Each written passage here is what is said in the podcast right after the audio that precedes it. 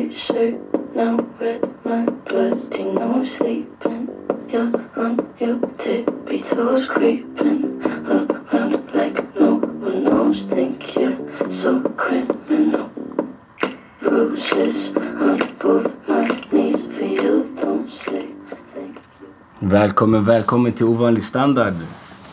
Välkomna, välkomna. Det var inte igår vi spelade in så vi tänkte kicka av det nya året här med en speciell gäst om ett x antal ämnen som vi har tagit upp förut med väldigt lite basis. Så vill du presentera dig? Cindy, Christians stora syster. Yes. Eh, vi har på senare tid haft väldigt givande samtal om allt som rör genus, toxisk maskulinitet, ehm, världen, samhället, vad är okej att säga, vad är okej att inte säga. Politisk korrekthet med andra ord. Precis. Jag är väldigt politiskt korrekt. Eh, vilket jag får väldigt mycket skit av, av mina bröder och av min bästa kompis här Nicolas Santana Castro. Vi har hamnat under åren i väldigt hetsiga diskussioner. Eh, och idag känner jag att vi kan samtala på ett eh, mognare sätt. Ja. Christian har tagit till sig, Christian är inte lika upprörd längre över saker och ting som han kunde bli förut. För att han fattar inte och fattar inte. Alltså vi snackar flera år sedan. Ehm, så Men det där- gäller väl för båda också? Ja, ja. Jag minns en gång när vi var ute och ni båda alltså, hetsade upp er och bara såhär. Det går, jag tror det var eh, ämnet, det går inte att vara rasism mot vita. Omvänd rasism. Precis, omvänd rasism och vi var på väg till typ tak. Tak. Ja. tak. Vi skulle ut och dricka och ha kul. Och så båda två bara etsade upp sig mot mig och var såhär stopp. Jag tänker inte ta diskussionen med er här och nu. När båda är fett hetsiga. Jag är själv. Jag är alkoholpåverkad. Jag tänker inte dras med i det här svarta hålet av att attackeras. Typ. Det var några stela 45 minuter på tak. Efter den där händelsen. Ja. Eh, men båda har kommit jättelångt. Alltså jag kan säga att vi kan börja right off the bat med att vi har kommit långt i de här diskussionerna. Ja, vi har haft dem både med Patti och Dani. Alltså jag personligen. Som är Och våra jag- kusiner. Ja, och jag kan tyvärr ändå inte preskribera till tanken att du kan inte vara rasist mot... Det kan, alltså omvänd rasism existerar. Vare sig ni väljer att kalla det rasism eller inte är det exakt samma handlingar och samma händelser hos en människa oavsett om den är i en kraftposition. För vi kommer att prata om det här med en annan polare nyligen. Typ så här, om en svensk skulle gå in i Rinkeby så skulle han känna sig lika rädd som, eller minimerad som vissa människor skulle känna sig om typ så här andra människor eller typ så här invandrare eller någonting. De känner sig utanför i, oftast i Typ en svensk skola i stan. Typ så här, ett bra exempel var eh, Simon, Mm. min tjejs kusin. Han har umgåtts nästan bara med svenskar hela sitt liv och han har alltid blivit, för han är halvsvensk och halvchilenare. Så han har alltid blivit brandad som en invandrare liksom. Vare sig han har varit mer svensk än vad han har varit invandrare. Och när han umgicks med oss, Då var han, eh, han var svensk. Sweden. Han var svensken. Han hamnade i limbo. Ja, exakt. Han har alltid varit där i det där Han mellanläget. hamnar i vad som heter mellanförskap. Mm. Och det är vad vi också upplever. När vi, när vi är i Sverige är vi inte svenskar. Mm. När vi är i Chile är vi inte chilenare. Alltså, då, kolla. Men vänta, bara, bara för att stoppa det där. När jag har varit i Chile, de behandlar mig som en fucking broder. Jag har aldrig, alltså oavsett om när jag var som li, alltså väldigt liten, språket kanske inte var där så de märkte direkt, aha den här killen är inte chilenare för han kan inte ens prata ordentligt. Men när jag har varit där de senaste två gångerna, 2011 och 2015 var vi där. Så har de bokstavligen behandlat mig ibland bättre än vad de har behandlat chilenare. För de säger att ah, det här är en kille till och med som har para.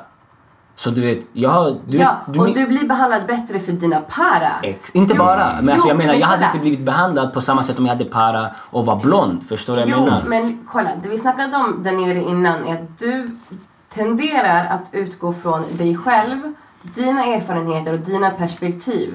När vi pratar om omvänd rasism och att det inte existerar, och det kommer jag hålla fast vid till döden, Okej. att det inte går att vara rasism mot vita. Det är att Och det här är vad vi återkommer till varenda gång vi diskuterar om det här.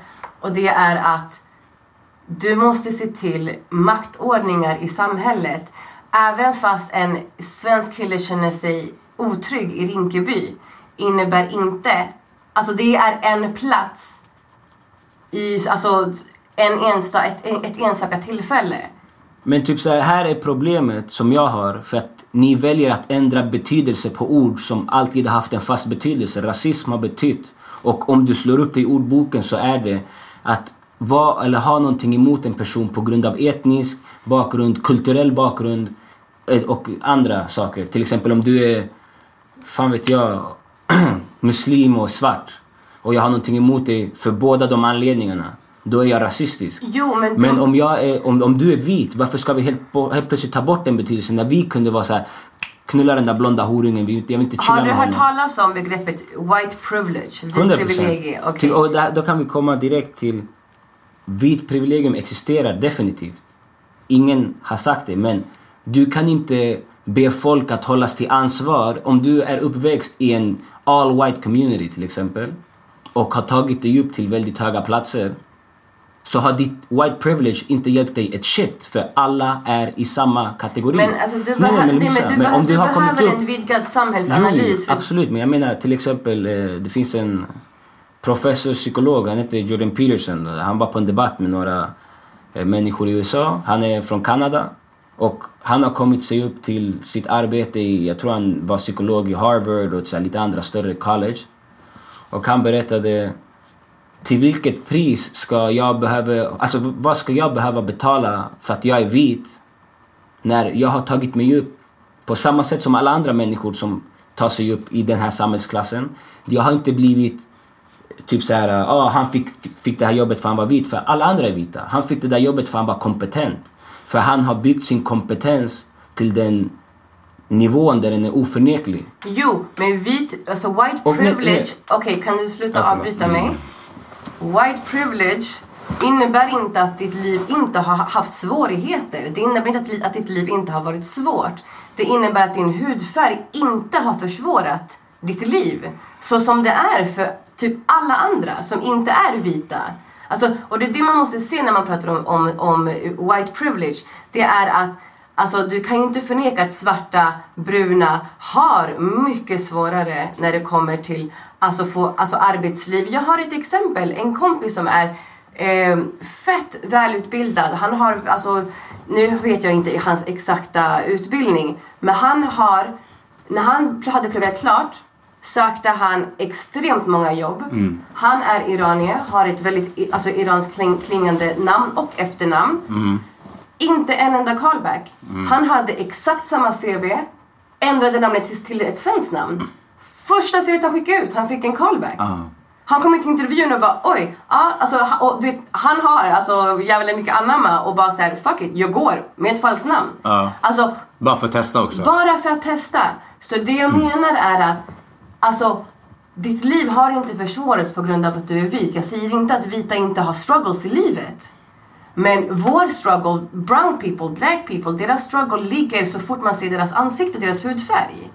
Och deras namn. Du blir ju dömd innan ens du får öppna din mun om man ja, säger så. Ja.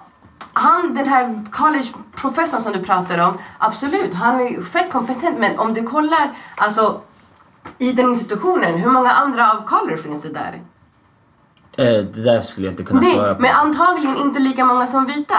Men här kommer det också till exempel, du kan inte heller börja försöka kasta in människor bara för att få en diverse crowd eller, eller workplace och utgå inte ifrån kompetens. För sen självklart om det finns två lika kompetenta människor och en är svart och en är vit så ska det självklart inte behöva vara så att, det väljs, att den svarta väljs för det. Men du pratade också om att om du är vit så försvåras inte ditt liv på grund av din hudfärg. Mm. I beg to differ om du bor i Jamaica och du är vit. I beg to differ om du Jo, bor men i... du går in på de här specialfallen. Nej Du men inte... Vi hade en lärare som var uppväxt i, jag, jag vet inte vilken del av Afrika, jag tror det var Sydafrika eller någonstans.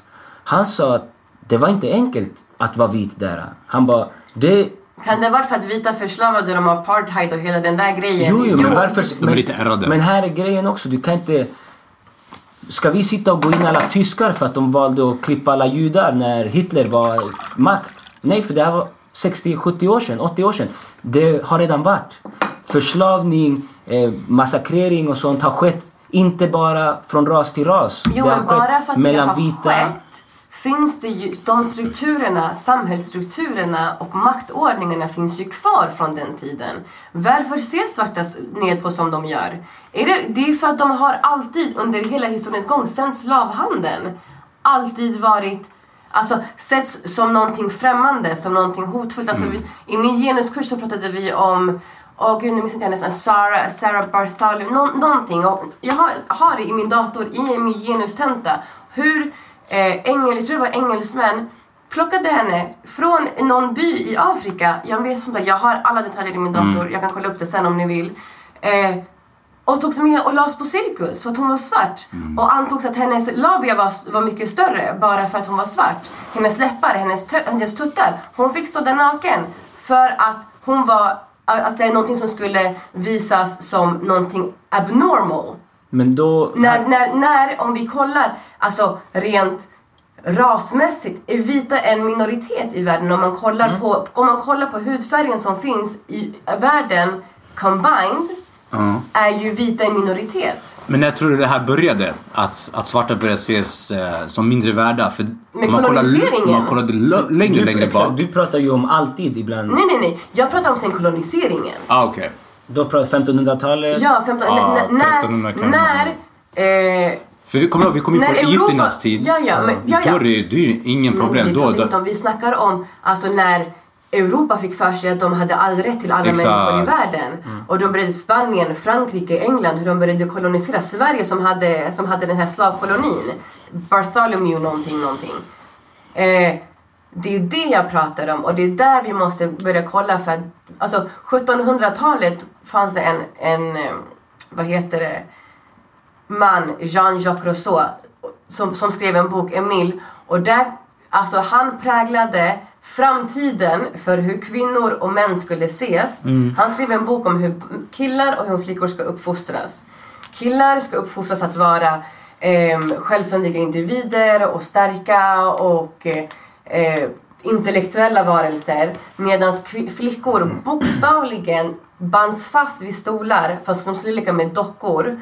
De skulle kuva sig inför mannen. Alltså allt det här skrev han i en bok och den spred sig som, ett, som en löpeld i hela Europa. Hans, alltså på grund av hans bok blev kvinnornas juridiska ehm, ställning fråntagen. De fick inte ha, de, de, kvinnor hade inga rättigheter. Varför tror ni alla, alla så här, suffragetterna i England och alla så här, kvinnorättsrörelser startade? Och, det, och sen så finns det ju en annan del i det och det är också så här, ehm, de, the, the Black Liberation. När de, alltså när de kämpade för, sina, för, sina, för sin frihet. När vi kollar på så här, med rösträtt, i Sverige i alla fall var det så okej, när, man skulle, när man först skulle börja rösta om rösträtt, ska det vara för bara män? Eller ska vi, ska vi, rösta, ska, ska vi kämpa för att kvinnor och män ska få, ska få rösta? Eller bara människor som, som tjänar x antal eh, kronor i, om, om året? Eller ska alla få rösta, även invandrare? Eller alltså även folk som har kommit till Sverige, alltså som inte är etniskt svenskar? Ja, för jag har för mig i Sverige, det var ju så förut att kvinnor hade inte rösträtt för de sa de bara för en gång i månaden de tar dåliga beslut. Ja, ja! Och om vi börjar... Och, och om vi Eller de kan ta det, dåliga beslut. Och om vi kommer in på det, och, så här, och då går vi tillbaka till det här, den här Jean-Jacques Rousseau som pratade om kvinnor och hur eh, vi är känslovarelser, vi, är, vi drivs av naturen. Ehm, det är, alltså historiskt sett är det manliga egot typ starten till alla krig i världen. Men tror du inte mycket har det här med, med religion att göra?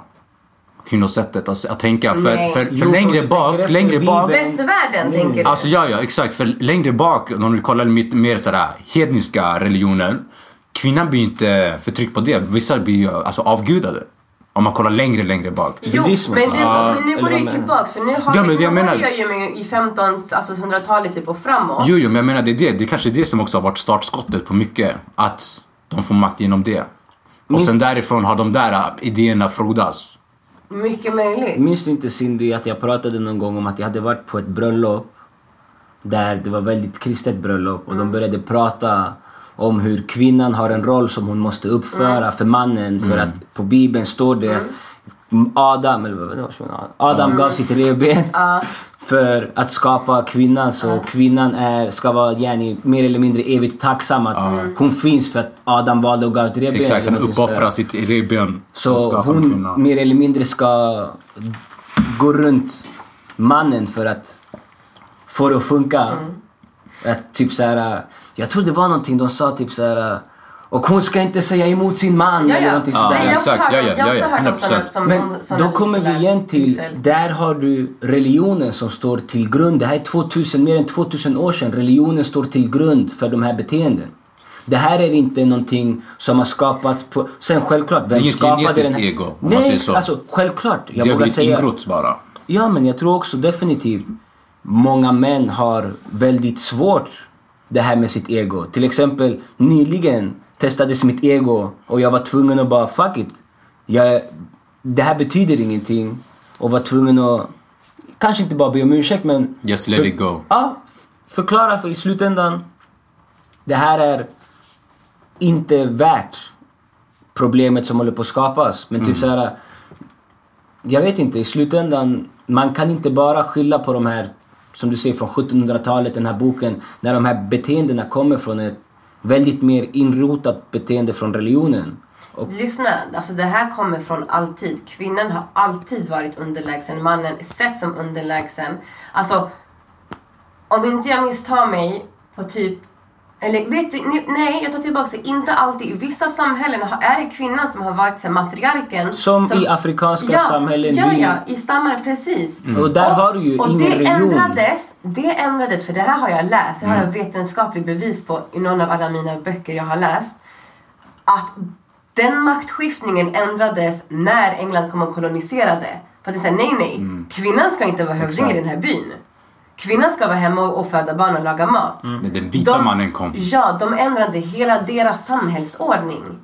Och sen där deras kommer tänk. vi Och tillbaka. sen- Deras tänk och sen generation ja, efter och generation. reproduceras och reproduceras. Exakt. Men där kommer vi ju till själva grejen att det handlar ju inte om att the men are evil som många extrema feminister försöker alltid säga. Typ så här äh, att alla män är fucked up för det finns andra indianstammar i typ så Sydamerika där också kvinnan till exempel det, det finns inget krav på att hon måste mer eller mindre vara till mannens, som, som mannens betjänt. Jag för mig det fanns någon indianstam i Venezuela där, jag tror jag har pratat om det här med dig, att kvinnor får typ så här ligga runt mellan stammarna och männen som väljer, och här blir det ett krav på männen. Männen som väljer att ha sex med den här kvinnan och sen om hon blir gravid så måste de alla gemensamt ta hand om barnet för de vet inte vem som farsan är. Och där kommer vi till en uppdelning då männen hamnar på den här, okej, Garin har många män.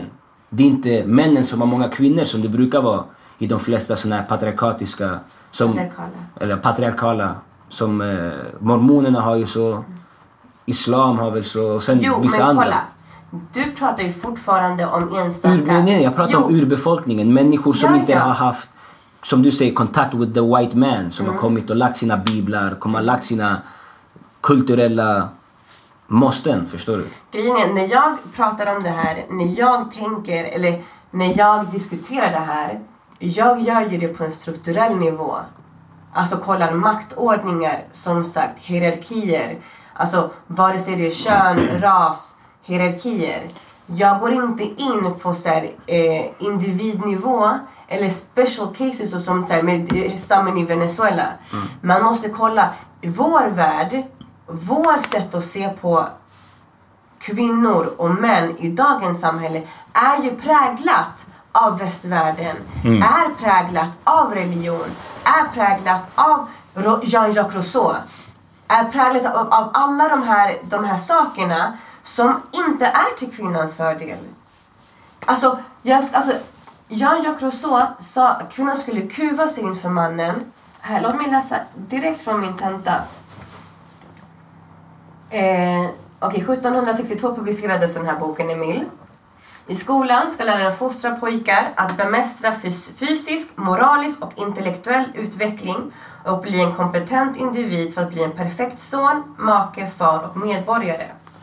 Där Emil ska läras, läras att vara fri skulle Sofie bindas fast vid en stol och tvingas leka med dockor. Där Emil skulle lära sig att bli intellektuellt oberoende skulle Sofie lära sig att andras omdömen var viktigare än hennes egna och att den viktigaste egenskapen en kvinna kunde ha var blygsamheten. Rousseau använder naturen för att stärka sina argument och skillnaden mellan män och kvinnor. Han menar att kvinnor drivs av ett djuriskt begär och kan endast tyglas genom blygsamheten. Han menar att även mannen fått omåttligt begär, men att han, tack vare lagen och, eh, som reglerar honom, kan behärska sig. Inflik, vi alla vet att det här inte stämmer. Nej, annars skulle vi inte ha Våldtäkt. våldtäkter i, Ja. eller våldtäktsmän i fängelse. Precis. Tillbaks till min tenta. Mannen är stark och aktiv och kvinnan är svag och passiv. Kvinnan är skapt för att behaga och underkasta sig mannen och hon, genom mannens begär för henne, har makten över honom. En makt som hon måste bruka korrekt genom att låta mannen använda sin styrka genom hennes motstånd. Så vad betyder det här? Våldtäkt var acceptabelt med Ja, att vi, alltså såhär, no no bueno ja, nej nej nej men okej. Det är det här som han menar. Kvinnan ska använda sin blygsamhet och sedsamhet för att kuva sig inför mannen. Och Rousseaus idé tog fäste i större delen av Europa. Idéer som att kvinnans plats var i hemmet och menade att han skulle gynna moralen och samhällsordningen genom detta. Resultatet blev att kvinnans underordning till mannen blev juridisk. Det här är alltså ett, ett axplock ur min tenta som jag förresten fick VG på för att det är en väldigt välskriven tenta. Eh, så förstår ni att det här, som sagt 1726, tror jag det var, 62, eh, kom att prägla hela synen på kvinnor i Europa. Och sen kommer kvinnor som Mary Wollstonecraft som var författare, eh, filosof och så här, eh, kvinnorättsaktivist och skrev en så här, mot... ehm, Argument? Ja, alltså hon skrev ett eh, typ, jag vet inte om det var ett manifest, om det var en bok eller om det var en så här artikel, men jag minns faktiskt inte vad det var, som hette Till försvar för kvinnans rättigheter. Och den kom ut 1792. Och där skriver hon till alla från Rousseau till någon Dr. Gregory, som, men så här, alla män som har fortsatt upprätthålla de här eh, normerna. Eh, som skrivit om kvinnor och hur de bör vara hur de bör vara skyldiga till att ha gjort kvinnan tillgjord och svag gentemot vad kvinnan egentligen hade kunnat vara om inte det hade varit för all förtryck en kvinna fått utstå genom historiens gång. Alltså vi fick inte rösta, alltså 1919 var året som det hade gått 100 år, alltså förra året hade det bara gått 100 år sen kvinnan, sen rösträtts, rösträtten gick igenom. 1921 är fortfarande ehm, året de fick rösta, så vi har fortfarande ett år kvar att fira 100 år som vi kvinnor har haft rösträtt i Sverige. Ett land som påstås vara väldigt, väldigt fram. Jo, men sen så också om du tänker efter. Sverige, landet vi bor i, är ju väldigt framåt idag och fortsätter att gå framåt konstant. Och någonstans, om man inte gör misstag så kommer man ju aldrig kunna förbättras. Och jag säger inte att de där misstagen är okej eller att det var bra att förtrycka kvinnor i de här Det var ändå misstag. 250-300 åren. Det är katastrofalt för det har gjort att kvinnan har legat bakom mannen hela tiden. Men sen måste du till exempel... Det var något... Eh, fan var det? Någon diskussion jag hade hört om hur, om du tänker efter, vi är ju i grund och botten ett fucking djur. Förstår du? Vi är ett djur som bor i jorden. Att vi kan prata, att vi kan bygga saker, att vi kan ändra på vår omgivning är bara en av fördelarna att vara människa. Men alla de här underliggande processerna kommer ju från evolutionen då vi kanske inte kunde prata, vi kanske inte kunde föra de diskussionerna och de grejerna som vi gör idag. Så på något sätt fanns det ett sätt att välja en, eh, en partner. Och det har alltid oftast varit kvinnan back in the days som har valt sin partner om de inte har blivit våldtagna eller kidnappade eller vad det nu har varit. Och oftast har de blivit bestämda på grund av status. Vilket har drivit mannen till att söka den högre statusen konstant genom årtionden, århundraden. Mm. För att det bringar kvinnor. Alltså jag En kvinna kommer aldrig idag, om du är 30 år gammal, skulle du kunna träffa en snubbe som inte har pluggat, inte har ett jobb eller inte har någonting fast för sig. Som du tänker shit jag kan inte ha barn med den här killen för han kanske inte kommer vara där. Du kommer, 100%. du kommer aldrig göra det. Nej. Men en man gör det konstant, hela tiden. För vi män bryr oss inte om sånt alltid. På det sättet har den, här, den där hierarkin, den där sättet att välja sin partner har skewed att män väljer att gå efter de här stora, hur ska man säga, endeavors. Att väljer att försöka skapa sig så högt och så starkt som möjligt. Självklart, det kommer säkert hundra andra egoistiska grejer däremellan. Pengar bla bla. Eh, success och sånt, framgång. Men allt i slutändan är inrotat i... Machokulturen. Nej, nej, att, att förökas, att kunna få en Partner. partner. Ja. Och sen att det har gått över till andra saker. Det är självklart en dålig biprodukt. Men det betyder inte att grunden är ju fortfarande inrotat i att kvinnor väljer inte män som är statusmässigt lägre rang av dem. Och de pratade om att en kvinna har en IQ på 130 och är framgångsrik och eh, successful så sänker deras eh, chans att hitta en partner med över 50%. Eftersom de kan inte gå till en dummare kille. Det är väldigt, väldigt sällan. Alltså jag vågar nästan säga minimal att en kvinna kommer gå till en man med lägre status och rang än honom. Vilket gör att kvinnor är rädda att vara smartare. Kvinnor är rädda att visa sin intelligens. Jag har hört ibland kvinnor som har sagt... Som eh, fördömer sig själva. Som fördömer sig själva för att inte göra den här killen obekväm. 100%. Och det där är fucked up. För jag har alltid sagt du ska kunna vara vem du är i slutändan. Och inte behöva tänka shit om han känner att han är dum bredvid mig, han kommer inte vilja vara med mig för han känner sig dum. Jag personligen tycker intelligens är attraktivt. Om du är dum, jag blir äcklad förstår du? För det är så här, fan, eller äcklad är kanske fel ord men jag blir så här oattraherad. För det är så här, jag vill kunna vara med någon som man kan föra en ordentlig diskussion med, som man kan Som prata. stimulerar dig intellektuellt. Mer eller mindre. Och Men vet du, men för killar också, det är väl lättare att vara ensamma. 100 procent. De, de som pratade ju också om det här... Eh, det har ni hört talas om incels? Nej. Har ni inte hört talas om incels? Vad fan är incels? Har ni inte hört talas om det? För, alltså apropå att män har, enkla, alltså, har lättare att vara... Alltså på, på tal om det vi Mm. pratar om. För det känns i alla fall som män, typ, så om de är singlar, de tar inte åt sig lika mycket när de är typ 35-40. De är fortfarande singlar. Ja, visst, men- alltså, visst, mm, du kanske vill ha en partner sådär men det, vissa kvinnor de får stress. Bro, Förstår du? När de närmar sig 30 livsångest. utan partner. Det är livsångest. Och det är den här... den biologiska klockan som tickar. Exakt, biologiska Och klockan där har vi tickar. skillnaden Ja, ja. till att varför vi män också få- har mycket svårare... Ja, vi kan ju få barn om jag är 90 om jag vill. Ja, ja. Alltså, men det spelar ingen roll. Är det en väldigt stor diskussion också är ju det här med att alla män är i CEO-positioner och driver företag och driver saker som är mångmiljardärföretag. Det finns, och det här är tyvärr, det är fett tyvärr, men de typ så här, tre rikaste kvinnorna i världen har ärvt sina pengar från mannen de har skilt sig ifrån. De har inte intjänad, intjänade pengar. Ja. Jeff Bezos, han som äger Amazon, han skilde sig med sin Gary. Hon är den rikaste kvinnan i världen. Han hade noll äktenskapsförhållanden. Jo, 50% bror, hon tog hälften. Hon är den rikaste kvinnan i världen. Vilket bevisar bara att när du tog hälften av Amazons pengar, du blev den rikaste kvinnan i hela världen. Fattar du hur många mer rikare män det finns? Hon vet inte hur man kodar säkert. Ingenting. Nej, men- Hon bara tog han det han byggde upp. Men där har du själva grejen. Eh, vi män är smutsigare än El att vi kan, i aspekten att vi kan, eh, vi kan kasta vår familj, våra kvinnor, för framgång. Ja. Det är väldigt få kvinnor som är villiga att sätta undan tid att umgås med sitt barn Ja, ja, ja. för att bygga ett företag. Men män verkar inte ha något problem med det. Och där kommer vi igen. Det kommer in också ja, alltså, hur arbetsplatsfördelningen ser ut. Alltså hur, hur, Exakt. hur Och skillnaden är och kvinnor. anledningen till att det är som det är, vågar jag säga, är på grund av att vi män är smuts i det syftet att vi skiter i om vi bryr oss inte om vår kvinna, om våra barn, om vårt hus.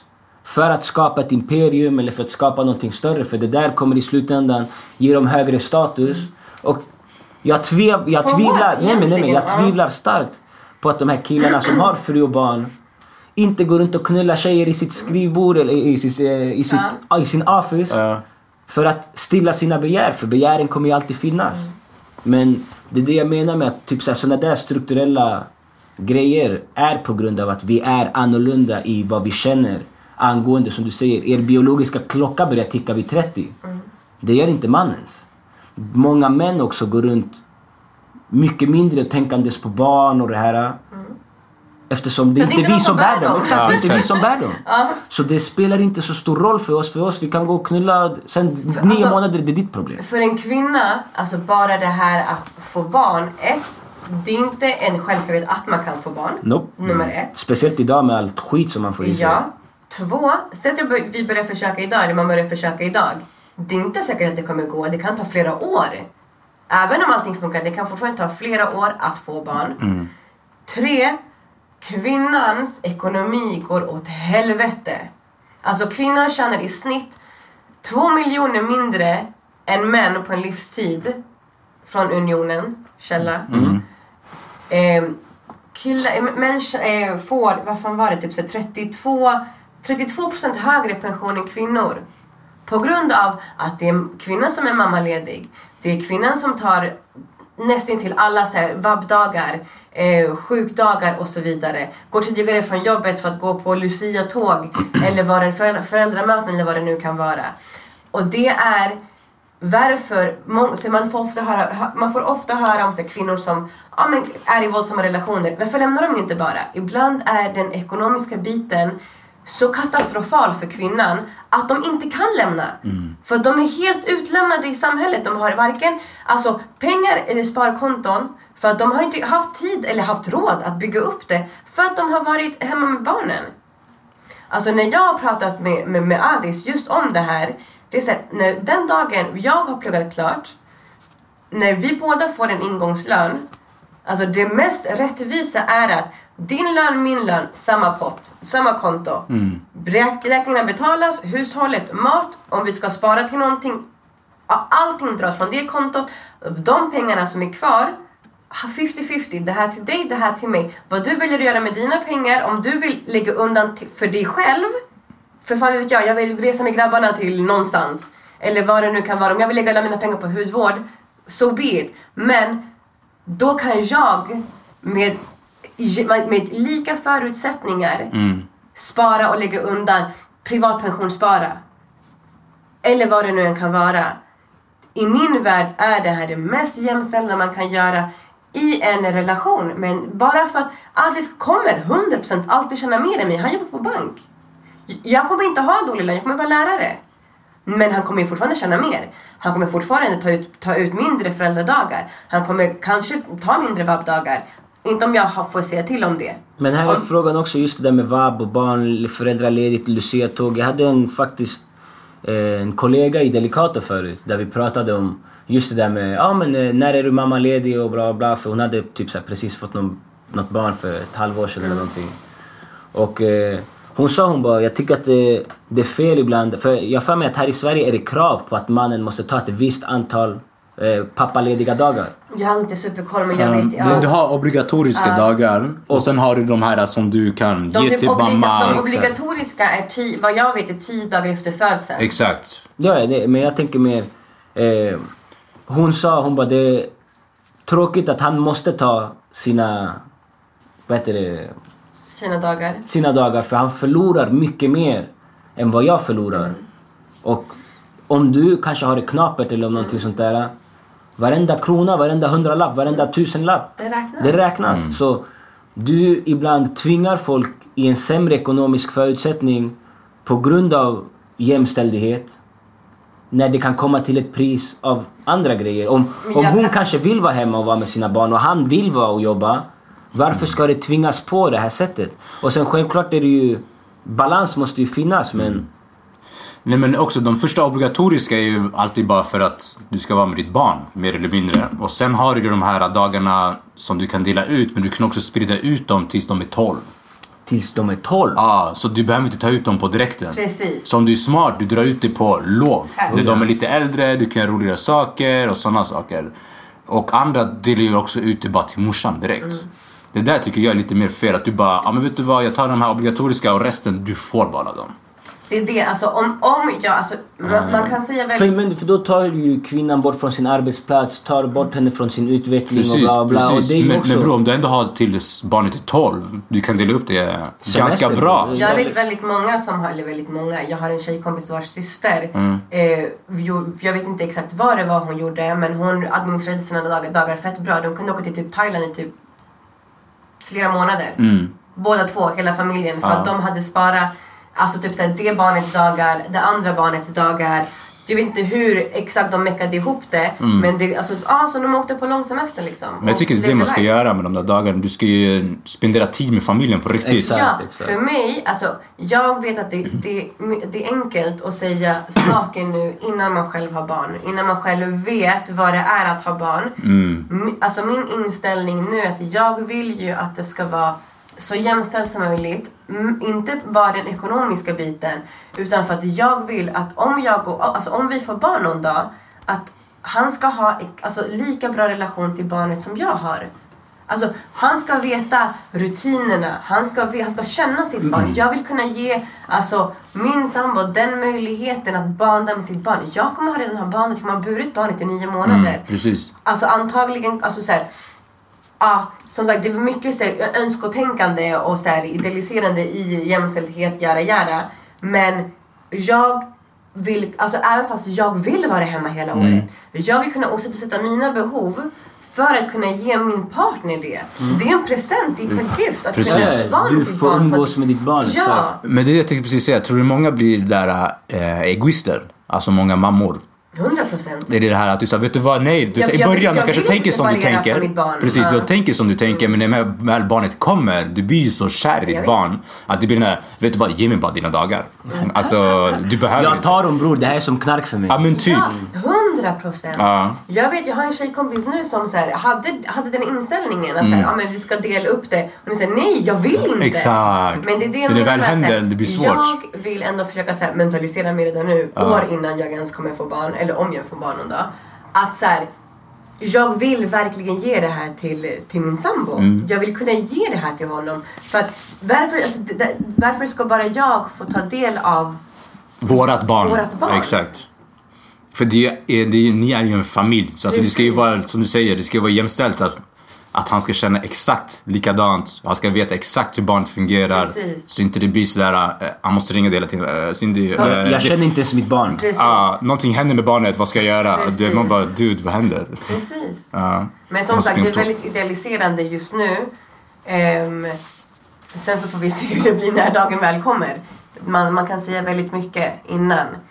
Men där som sagt, då, då har vi åtminstone pratat om den här grejen med att det finns ju skillnader som driver oss på olika sätt. Och som vi pratade om innan, mannen är ju väldigt självisk i väldigt många, eh, hur säger man, pursuits. Och i slutändan, det känns som om typ så här. Jag har hört någonting om, som håller på att tas upp väldigt mycket från, från den, den vänstra sidan om eh, equality of outcome. Har du hört om det? En quality of outcome, alltså så här, vad heter det? Att, att kvinnor och män ska, Ska göra samma... lika. Att, nej, nej, att kvinnor och män ska göra samma arbete och förväntas samma resultat. Eftersom det ska inte vara någon skillnad på kvinnor och män när de gör sitt arbete. Nej. Men det är så här... äh, Vi kan bara ta ett exempel. Be mig att gå ner och lyfta upp saker tio våningar nerifrån och be dig att gå och göra det. Vi får se om det funkar. Det där är ett exempel, självklart. Det kommer inte vara equality of outcome. Jag kommer vara tvungen att jobba segare, lyfta mindre och du vet alla de här sakerna. Bara ibland när jag jämför mig med andra grabbar också. Typ så när vi flyttade, eh, när Nico flyttade för ett tag sedan. De flesta de gick runt med två lådor ner för trapporna. Jag tog tre. Varenda gång. För det är så jag funkar. Jag gillar alltid göra så mycket som möjligt för att arbeta så lite som möjligt. Det är inte alla som fungerar på det där sättet. Och där kommer... Eller så vill inte alla paja sin rygg. Nej. Eller ja, det, kanske. Det alla, kolla, återigen, så du kan inte utgå från Nej, dig nej, själv. men jag- Jo men alla har inte din styrka, alla har inte, du gymmar fett. Jo, jo, jag vet. Men jag menar bara typ så här. Du kan inte ha det där som ett mål att sträva efter. För då kommer du gå tillbaka till gamla Sovjetunionen eller gamla eh, Kina när de hade Mao. Mao skrev i den här boken Maos lilla röda där de pratade väldigt fucked up ideologer. Mm.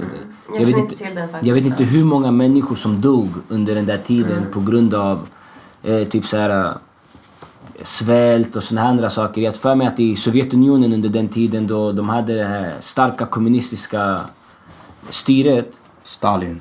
Alltså jag för mig, de var till och med tvungna att, eh, eftersom de strävade efter quality outcome, att alla ska ha, typ som Kuba, en doktor och en städare ska känna samma sak.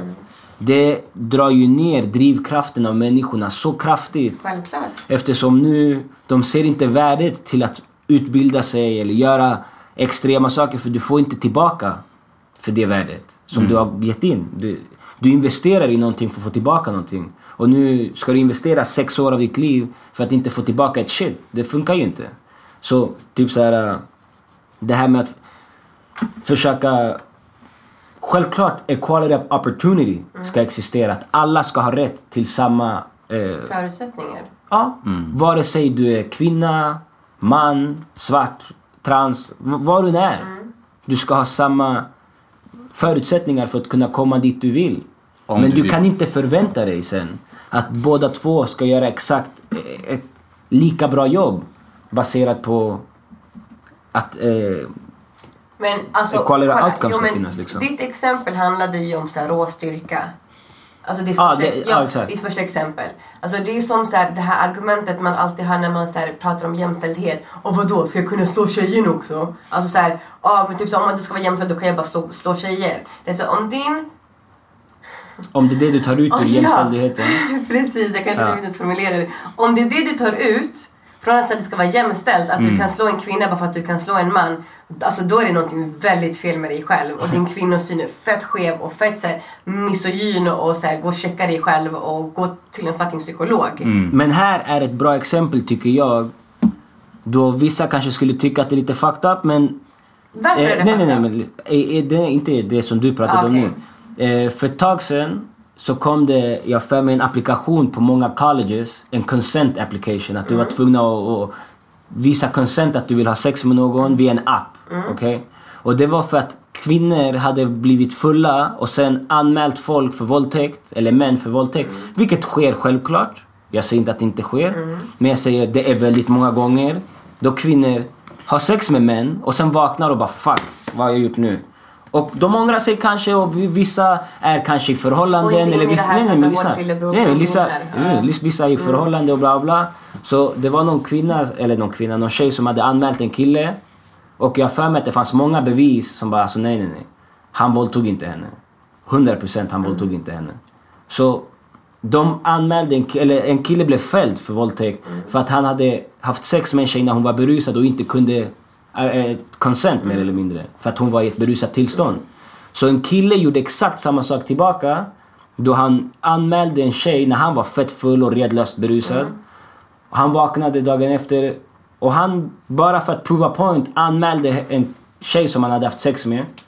För våldtäkt. Så han Och- anmälde utan att ha blivit våldtagen bara till prove a point. Mer eller mindre. Och han, nej, jag tror det var någonting sånt. Och han eh, fick tjejen fälld. För att du kan inte... Men hör du hur fucked up det där är? Ja, det är därför jag säger det. Jag vet att det kan låta fucked up. Men om det ska gå åt ett håll. Det måste kunna gå åt båda. Förstår du vad jag menar? Om du ska kunna anmäla en man för att du var full. Du kanske inte blivit våldtagen. Du kanske inte kunde... Du kanske inte hade the right frame of mind för att veta vad du gjorde. Men om han inte förgrep sig på dig slet av dina kläder eller... Fast våldtäkt är inte- fast nej, men jag vet, jag vet att våldtäkt är mer än det. Mer än- ja. Men om jag till exempel... Om jag ber en tjej, ah, ska vi knulla? Och hon vill inte, men hon säger ja. Jag har inte våldtagit henne. Nej. Jag har inte det. För hon hade inte... Fan vet jag. Eh, vad, vad är det som krävs för att en kvinna ska göra det där? Jag har ingen aning, för jag har aldrig varit i de positionerna. Men, Om vi kollar... Åh, jag måste sträcka mig för det här. Åh, Du- okej. Aj, Okej, hur ska jag börja det här? Vi måste ju fortfarande inse att män har makten när det kommer till det här. Alltså, för vi är starkare, Ni är starkare, vi, vi ja. kan göra det om vi vill. Precis. Har du hört talas? Och så kolla. Oftast, alltså statistiskt sett, sker de allra flesta våldsbrotten i nära relationer. Alltså av din partner. Okej. Det är oftast statistiskt sett din manliga partner som förövar sig på flickvännen på x antal sätt. Det kan vara genom att jag har läst så många historier om kvinnor som har vaknat upp med att de blir penetrerade eller har något finger, alltså det, att de blir, alltså det, de sover. De kan inte ens sova i fred bredvid sin man utan att de blir liksom så här. det är våldtäkt. Det behöver inte vara att de sliter av sig kläderna. Det Nej, behöver inte vara liksom, alltså våld att de håller, håller fast. Ehm, det kan verkligen vara så här tjatsex, om ni har hört talas om tjatsex. Att så här, då blir kvinnan rädd, alltså kolla. Nej, vad är tjatsex? Tjatsex är så kom igen då, kom igen då. Och jag vill ha okej. sex. Och så, kom Jag är igen då, trött, kom jag är trött, då. jag pallar inte. Ja, kom igen. Kom igen, kom igen. Då vill man inte ha sex, men man gör det för sin partner av kanske rädsla att bli lämnad. Av kanske rädsla av att han kommer bli arg för att här, här, här har antagligen hänt förut. Alltså män använder sin, tar tillbaka sin kärlek och använder det som vapen mot tjejer. Och jag har läst så många, på kontot Mansbebisar har jag läst så många olika berättelser från så många olika kvinnor i alla olika möjliga situationer som har blivit eh, förgripna på av sina män som de lever med. Så det är inte alltid bara det här man ser så här, åh, våldtäkt och typ så här, ehm, så kommer vi in på det här, vad hade hon på sig? Hur berusad var hon? Eh, det där ska inte vara en faktor. Nej, exakt. Det ska inte vara en faktor. Jag ska kunna gå, gå runt med vad fan jag vill. Du ska kunna gå runt naken också. Ja, exempel. Jag var ute i lördags. Jag beställde Uber Eats när jag kom hem. Killen var på väg upp i hissen. Jag hade på mig shorts och linne. Jag skulle gå öppna dörren och bara, nej fuck vänta. Jag är själv hemma. Ta på mig min morgonrock. Bara så här, enormt, du vet, så här, vi kvinnor måste tänka så många, så många steg för vår säkerhets skull. Även fast det var så här, öppna dörren, jag öppnade inte dörren helt. Nej. Öppnade dörren, det, Ge mig påsen. Ja, hå- hålla handtaget, ta påsen, tack så mycket och låsa snabbt som fan. För att det är en reell rädsla Exakt. Som över du mitt pratade liv. om att gå runt med nycklar på vägen hem när du Ja. var yngre. För, Ja, ja, ja, ja. För du vet inte vad som kan komma medan vi Stänga män... av musiken. Ja, vi män kan bara gå... Ja, och där kommer vi in så här, till inte alla män. Jag vet inte om du såg det här, jag jag delade på Instagram häromdagen det här med typ så här, eh, inte alla män är män borde slängas in i ett rum med massa ormar. Hur vet du att de är venomous? Hur vet du vilken, vilken orm som så här, Man vet inte. Mm. Vi kvinnor vet inte vilka män som kommer attackera oss, som kommer för, förgripa sig på oss. Exakt. Intentionerna, det står inte skrivet på det. Alltså, snälla, mitt ex. Mm. Den mest feministiska människan i världen. Utåt. Vad var han? Världens smuts som förgrep sig på mig. Jag kan inte förgrep sig så. Jo, vid ett tillfälle, jo, han faktiskt, han, han... Ja. Det gjorde han. Använde sig av härskartekniker. Cindy, du är inte akademisk för att fördumma mig och förminska mig. Allt sånt där bryter ner en kvinna. Man kan ju också kalla det typ psykisk misshandel också. psykisk misshandel. Att känna att så här, jag duger inte. Jag är inte värdig. Jag kan inte ta mig in i de här rummen för att jag är inte akademisk. Min första termin på högskolan, alltså det var ett helvete. Jag hade så mycket prestationsångest första terminen. Och jag klarade min första tenta. Jag var typ så en av 20 av 60 personer som klarade den. Och det var ett sån fucking så här, stämpel. Bara så här, du, du tillhör det här. You can do this. Jag maybe. kan det här. Mm. Jag hade inte pluggat på typ åtta år, nio år. Så det man måste se också är att män systematiskt bryter ner kvinnor genom att... Men här är grejen också, förlåt om jag avbryter dig. Men, men män bryter ner män. Män bryter inte bara ner kvinnor. Män bryter ner allt i sin väg. För att komma någon vart. Förstår du vad jag menar? Typ så här, Du vet bättre än någon syster. De första tonårsåren jag hade. Jag hade inte den stämpeln jag har idag om att jag vet mycket, att jag är kunnig om saker och Nej, ting. nej, Jag var alltså- känd som the bullshitter. För det var, jag snackade bara skit. Det killgissade. Jag man gissade som fan. Så du vet, det var mycket som jag själv där Folk bröt ner mig och sa du är dum för det här, du, du står fast för de här grejerna oavsett att det är fel. Det var många saker som gjorde att jag sen var tvungen att ha insikt och kolla inåt och bara ah, shit jag snackar fett med skit. Ja. Och utbild, eller inte utbildade mig, jag lärde mig självmant. Du är självlärd. Jag själv lärde mig en jätte, jättestor alltså, procent av det jag kan idag. Är inte från någon skola, från någon kurs.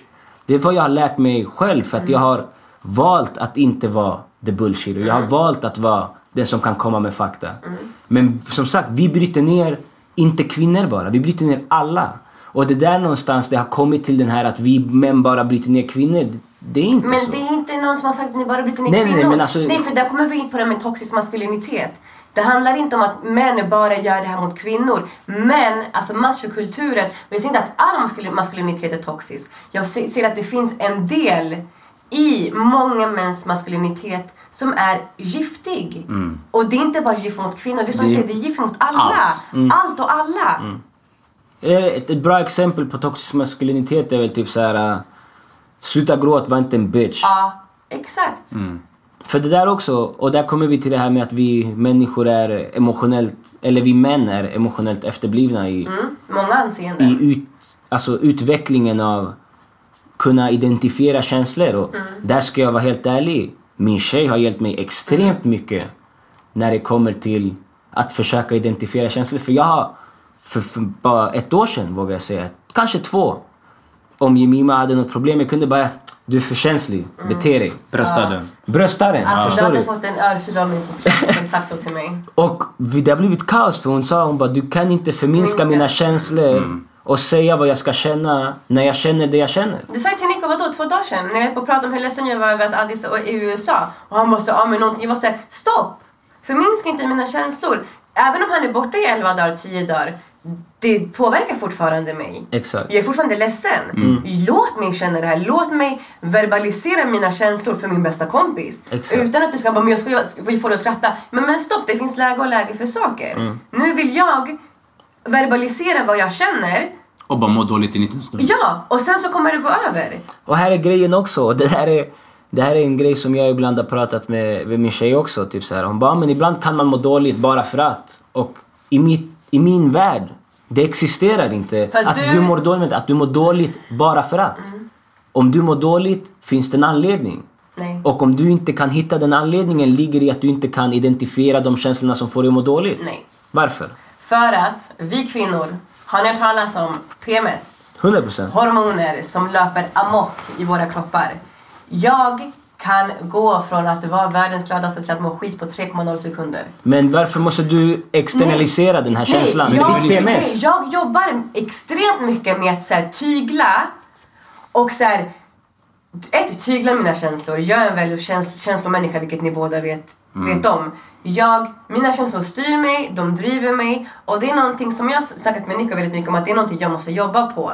För att jag måste också hålla is i magen. Jag kan inte heller bli 100%. uppbrusad så fort någon säger någonting jag inte tycker om. Nej. Vilket jag sagt till dig, jag hade inte haft någon relation till dig eller Edo annars. Nej, exakt. För att jag måste också så här, det är inte my way or the highway, vilket jag har varit ganska länge. Men alla förändras, Exakt. alla växer och in, kommer till insikt i så många saker. Alltså, kolla. Jag, Eh, Skulle du kunna säga då att kvinnor är mer känslostyrda än män? nej, inte kä- alltså, känslostyrda. I, kolla, jag kan com- compartmentalize mina känslor. Hemma, när jag är hemma, jag släpper dem löst. För att jag är i min trygghetszon. Jag, kan, jag behöver inte put up a face för någon. Jobb, skola, ingen märker någonting. Jag äter upp mina känslor. I choklad eller någonting annat. Men jag, alltså ingen kan säga till mig Cindy du är PMSig idag. Kanske säga ah, du är lite mindre tyst idag eller du är lite mindre det här Du idag. mer, ja exakt. Ja, men in, jag, jag går inte runt och fuckar ur som jag gör hemma på min sambo. Ute på gatan. Men varför ska Men- han få ta skiten? Nej. Men Det- är det det- varje dag? det är inte- absolut inte det är det varje dag. Eller Nej, är, nej, det, är nej, det så här att det, alltså jag pratar om PMS, är det, kommer det med när man har mens? Eller är det att det Innan. alltid... Det brukar vara innan. En det är vecka innan. innan. Mm. Ja, en vecka innan. Alltså, Tro mig, jag har börjat göra de här rutinmässiga kontrollerna. Ja, ja, den börjar märka dem va? ja. Jag ska, jag ska gå och gymma, vi ses sen. Nej, kolla. Med Adis har vi jättemycket samtal just kring det här. Så här. Jag förklarar för honom. Jag förklarar alltid för honom. Så här, vet du, nu är det så här. Jag känner mig så här. Jag mår så här. Låt mig vara, snälla. Ge mig mitt space. Kommer han och inkräktar mitt space, då är det på eget ansvar.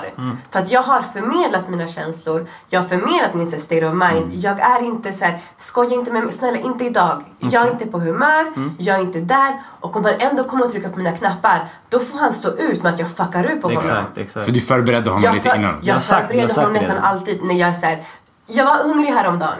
Jag du var var- hungrig i morse när vi morse, kom och ja. du sa prata inte med mig om någonting nu. Låt mig äta min mat. Och, jag där sa, och vad var det första jag sa?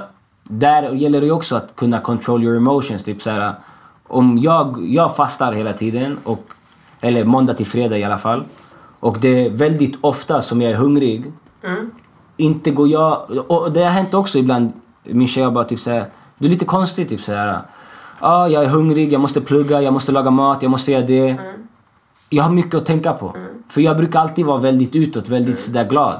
Så när jag inte är det så anses jag ibland som otrevlig. När det enda jag har är mycket på tankarna. Och ibland har jag varit väldigt dålig på att förmedla att jag har varit orolig Stressad. eller stressad eller har saker att göra. Och då blir det tjafs för att jag är en piece of shit. Istället för att säga som det är. Jag har det här och det här och det här att tänka på. Och då brukar det oftast bli Då så har okej ju jag förstår. förståelse för det.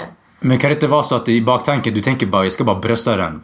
100% Så jag bara såhär, ja, men jag har bara Det är chill, liksom. ja, Det är chill, ingenting. chill, det är lugnt, det är lugnt. Och där kommer vi Och jag hatar till... det där för att jag drar... För det, är så, här, det, det är inte chill, det är ingenting. Man märker ju att det är något. Säg det, det, det förenklar livet för båda. Men här är grejen också, det vi pratade om innan. Att den här emotionella efterblivenheten som existerar hos oss. Att vi ibland inte kanske vet varför vi mår som vi mår. Eftersom vi får aldrig chansen att externalisera våra känslor på det sättet som gör att vi kan fatta. Aha, okej, det är det här som påverkar mig. Det är det här som stressar mig.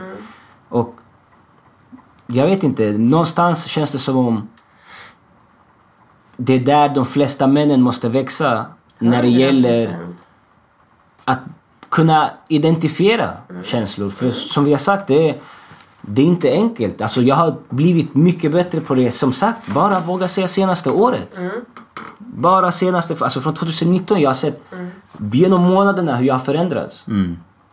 Och det är inte någonting som kom från en dag till en annan. Det kommer sett- säkert med ålder och mogenhet och lärdom liksom. Nej, men alltså, jag har ju sett jättestor förändring hos er båda bara de senaste... Alltså, Nico bara det sen- det senaste halvåret har han växt enormt. I massa olika avseenden. Du också. Alltså, jag ser ju din förändring. Alltså, jag, stora syster, har ju sett det hela ditt liv. Jag har ju sett din utveckling. Till exempel när du skrev på Whatsapp nu, att du var stressad eller igår. Det hade, inte, det hade du aldrig sagt innan. Ja. Du hade inte delat med dig av så här, jag har stress, bla bla. Du kommer inte förklara varför du har stress. Exakt. Du förmedlar det. För du skulle bara ha taggarna utåt. Ja. Alltså för man är ju Exakt. stressad. Exakt. Det Hur många gånger har inte vi båda snappat på varandra? Du har kallat mig mycket nasty grejer. Mm. Extremt nasty grejer. När du har så här utåtreagerat bara sådär. Det vill man exploderar. Ja. Och det är för att du håller inom så mycket att minsta lilla grej triggade dig. Exakt. Och det var någonting jag sa så, när jag började min relation. Jag vet att jag är en fett svår person att handskas med och leva med. Jag är inte enkel och jag vet det. Men jag gick in med så öppna kort innan. Det här är jag. Det här är som jag är. Jag vet att jag inte är lätt att leva med. Du måste kunna också stoppa mig. och sätta ner kan- foten. Och sätta ner foten. Du måste kunna säga så här, när du tycker att jag inte beter mig alltså så här, ehm, rätt, när du tycker att, fan vet jag, vad som helst som jag gör som du inte tycker om, säg det. Annars kommer du bygga, bygga på och bygga på och agget kommer växa. Vilket kommer leda till att vi kommer göra slut. Exakt. För du kommer inte palla, du kommer explodera. Så om vi vill ha en hållbar, all, alla hållbara relationer, vare sig det är med vänner, föräldrar, syskon, vad det nu kan vara, bygger på kommunikation. Öppna dialoger. Ja, Och sen också, du ska kunna diskutera med folk eh, mer eller mindre utan att det ska bli för hetsigt. Att vi ska, Ja. alla ska bli arga Ja. och, Och där sådana kommer vi saker. också att kunna kontrollera sina känslor Jo, när det ja. väl kommer till Oh, för jag skulle vilja ge honom en box i ansiktet men vi är vuxna ja. och det är någonting jag krävs. har behövt jobba på jättemycket med och det, det är jag jättemedveten om. Och jag tycker att jag själv har kommit jättelångt i den Till skillnad från några år sedan, Ja, definitivt. ja. definitivt. jag kan ta, enligt mitt tycke, dumma argument. Men va, ja, som du säger, Som vi pratade om det där med college och... Ja, ja, ja, ja. Du, du var ju tvungen att verkligen säga okej, hur ska jag ta det här ta utan det att fucka ja. Sen så kom, jag pluggar till lärare, jag måste. Ja. Jag måste träna på min pedagogik och på min, mi- mitt utförande. Hur jag liksom för mig, hur jag pratar, hur jag... Allt. Yani, min kurs nu det är lärarens ledarskap. Det här är någonting jag verkligen behöver ta till mig, träna på. Och sen så som, alltså det du säger, så tygla dina känslor. Absolut, jag hå- håller med dig. Men i mitt kök när jag håller på att göra min frukost. Nej bror, jag behöver inte tygla mina känslor. Är hemma hos mig, ge mig 10 minuter, jag ska bara äta. Hade jag varit ute och du sagt offentlig plats, jobb, skola, du sagt tygla dina känslor. Okej, absolut, du har rätt. Men jag, det, det, det Så du finns... menar det finns alltid en place Det finns en, en tid och en plats för allt. Till exempel, jag, för att, bara för att vi kan ha såna här konversationer betyder det inte att jag måste engage varje gång du vill engage Nej, i de här konversationerna. Ibland typ såhär, Alice vill såhär, prata om någonting såhär, vet du, inte idag, inte nu. Det, jag har inte Kapaciteten huvudet för det. just nu. Nej, jag Det har inte huvudet för det just nu. Jag har massa annat jag tänker på. Jag kan inte sitta här och analysera världen och samhället och filosofera om. Jag kan inte just nu. Mm. Jag orkar inte. Stopp. Min kropp. Stopp min kropp. Ja, lite så. Ehm, för det, alltså, ja. Jag vet inte vad jag ska säga. Nej men som du, som du säger i slutändan. Eh, tid och plats är viktigt att kunna respektera när det gäller just sådana där saker Mm. som eh, människors safe spaces och, och platser där de har rätt att kunna uttrycka sig och känna det de verkligen Mm. känner utan att behöva, som du säger, tygla någonting eftersom här är min plats där jag ska kunna få vara mig själv. Precis. Om jag vill explodera, explodera här för det här är min safe spot. Exakt, exakt. Så då handlar det ju också någonstans att kunna... Alltså jag vet inte, det, det känns som om i, i slutändan, det är självklart, det mesta hamnar oftast på oss män. Alltså vi måste bli bättre på många saker och... Men det är bara för vi tar fatt i våra känslor. Mycket i det. Ja. Faktiskt. Men det känns som killar, alltså de killar i förhållande äh, lär sig mycket snabbare. Att identifiera sina känslor. För de, om de inte alltid... För alla, alla kvinnor har inte heller de, de Nej, nej, nej. Men en, en singelkille, om man kollar så här, alltså genomsnitt. Ah, Singelkillar och de som är i förhållande. Det brukar kännas som att det alltid går snabbare för de som är i ett förhållande. Än för de som är singlar. För de singlarna brukar vara alltid mer Alltså att... vad, vad säger du som snack? Ja, hur, bror, hur, det- länge, hur länge har du varit i din relation Christian? Bror, nio år alltså. Ja, och du säger de senaste två åren. Men tänk om han inte hade haft gymma alls. Ja. Alltså från aldrig, förstår du vad jag menar? Då kanske det hade kommit om tio år, fem år. För det är ingen som Sen, hade, det är ingen som hade bättre identifierat det tror här. jag det- du det- hade inte hamnat i sådana situationer. Det som kan påverka också att vi har inte bott med varandra sedan du var 16. Mm. Hade vi kanske bott med varandra längre hade det kanske också av. Ja, ja, men då har du ju någon som, alltså då har du en kvinna som ber Tryck- dig, som trycker som ber dig. dig säga men vad är det du känner? Varför Mm. känner du så? Exakt. Om du bara kanske bor med grabbar eller bor själv. Ingen kommer be dig, vad, vad känner du bror? Förstår du? Det händer inte så ofta. Du, det finns faktiskt, alltså, har ni hört talas om Make Equal? Det är en organisation som eh, de var väldigt drivande i samtyckeslagen och så vidare. De har killmiddagar. Mm. Vet ni vad det är? Har ni hört talas om killmiddagar? Alltså vi brukar käka ibland grabbarna i foodcourt. Nej, det är förstår inte du? Nej, samma det är inte sak. samma Det sak. är absolut inte samma sak. jag tror jag vet vad du menar. Ja, det är att killar träffas, de möts. Det, det finns här... ehm, Får de så här pro- talking sticks och sånt. Nej, de får inte talking sticks. Men det kommer, man kan skriva ut så här, instruktioner, så här, ämnen som man kan beröra och prata som killar oftast inte pratar om. Till exempel så här, vad skulle du säga? Jag, eh, igår valde vi att sträckkolla med tjejen på Aaron Hernandez. Killen som, eh, det var en amerikansk fotbollsspelare. Han som blev mördare? han som blev Ja, mördad. jag, inte, jag har sett den på Netflix, men inte sett, alltså sett den. Och där kom de och pratade om det här med eh, hur många män som är closeted i NFL. Hur många män som är s- secretly bisexual och typ såhär gay. Och hur mycket de männen tror att de inte kommer bli accepterade i samhället på grund av deras sexuella läggning. Och hur de skapar sin identitet för att inte se homosexuella ut. Ja, och då, gör, då, då alltså, ökar de ju macho och testo och så vidare. ah, jag tror också något, det är underliggande stress och så, sen du snappar. Men det är väl också för att du är nojig att om jag som gay försöker nu bli draftad i vissa lag och jag är öppen gay. Inget, vissa gamla USA, inga lag kommer nästan vilja Det ha det. Vi pratade ju om det Men det finns ju i Ja. fotboll också, i vanlig fotboll. är det Vi pratade ju om det på, på en podd för länge Ja. sedan om det här med eh, chansen att bli draftad om du är Det är det, homosexuell. du är nojig. Du är nojig. Så du Ja, hur tänker, många öppna homosexuella finns i elitidrott? Alltså, Väldigt få. Väldigt väldigt få. Extremt få. Ja. Och det finns, alltså, det är som du säger, det finns jätte, säkert jättemånga som är, men, Men där- som bara inte 100%. vågar. Där de 100%. pratade om... Där de pratade om att vet du, det, den här eh, fotbollsspelaren hade blivit eh, sexuellt utsatt när han var typ så här sex år. Och de tror att det var... För hans bror hade tydligen sett den här händelsen. Mm. Och de frågade honom bara, vet du om han blev sexuellt utnyttjad under den där händelsen? Han hade blivit intagen till något tält av någon man eller något sånt där. Han bara, jag är 100% säker på att han blev det.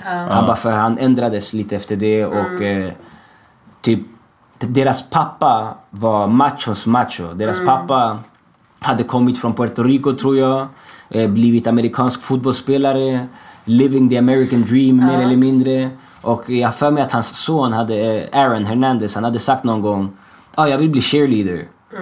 Och That is- hans farsa ändrade, hans farsa ändrade på hans åsikt väldigt snabbt, förstår du? Och eh, han märkte redan då att han var tvungen att vara en människa med sin pappa fast en annan människa i, i verkligheten.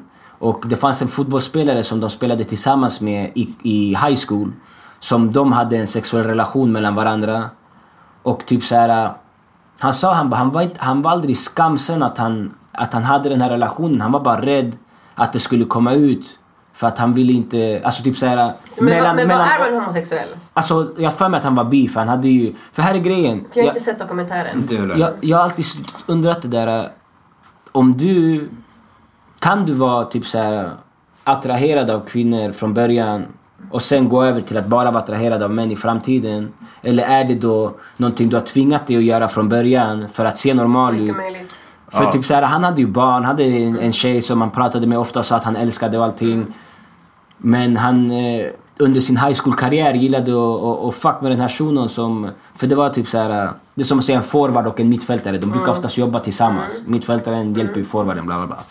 Eh, samma position hade de i NFL. Och de två var så här, i en sexuell relation i typ så här, vågar säga ett år eller någonting. Tills han blev draftad till en college. Och flera år senare kom det ut att eh, han var gay och hans pappa, eh, killen som han hade deltagit i en sexuell relation med, bara nej, jag tror inte att han är bög, jag tror inte att han, han kan vara homosexuell, nej, absolut pappan? inte. Inte eh, Aaron Hernandez pappa, Okej. killen som han var i en sexuell relation hans med. pappa. Ja. Okej. För de kände varandra ju väldigt bra när de var yngre. Och han bara...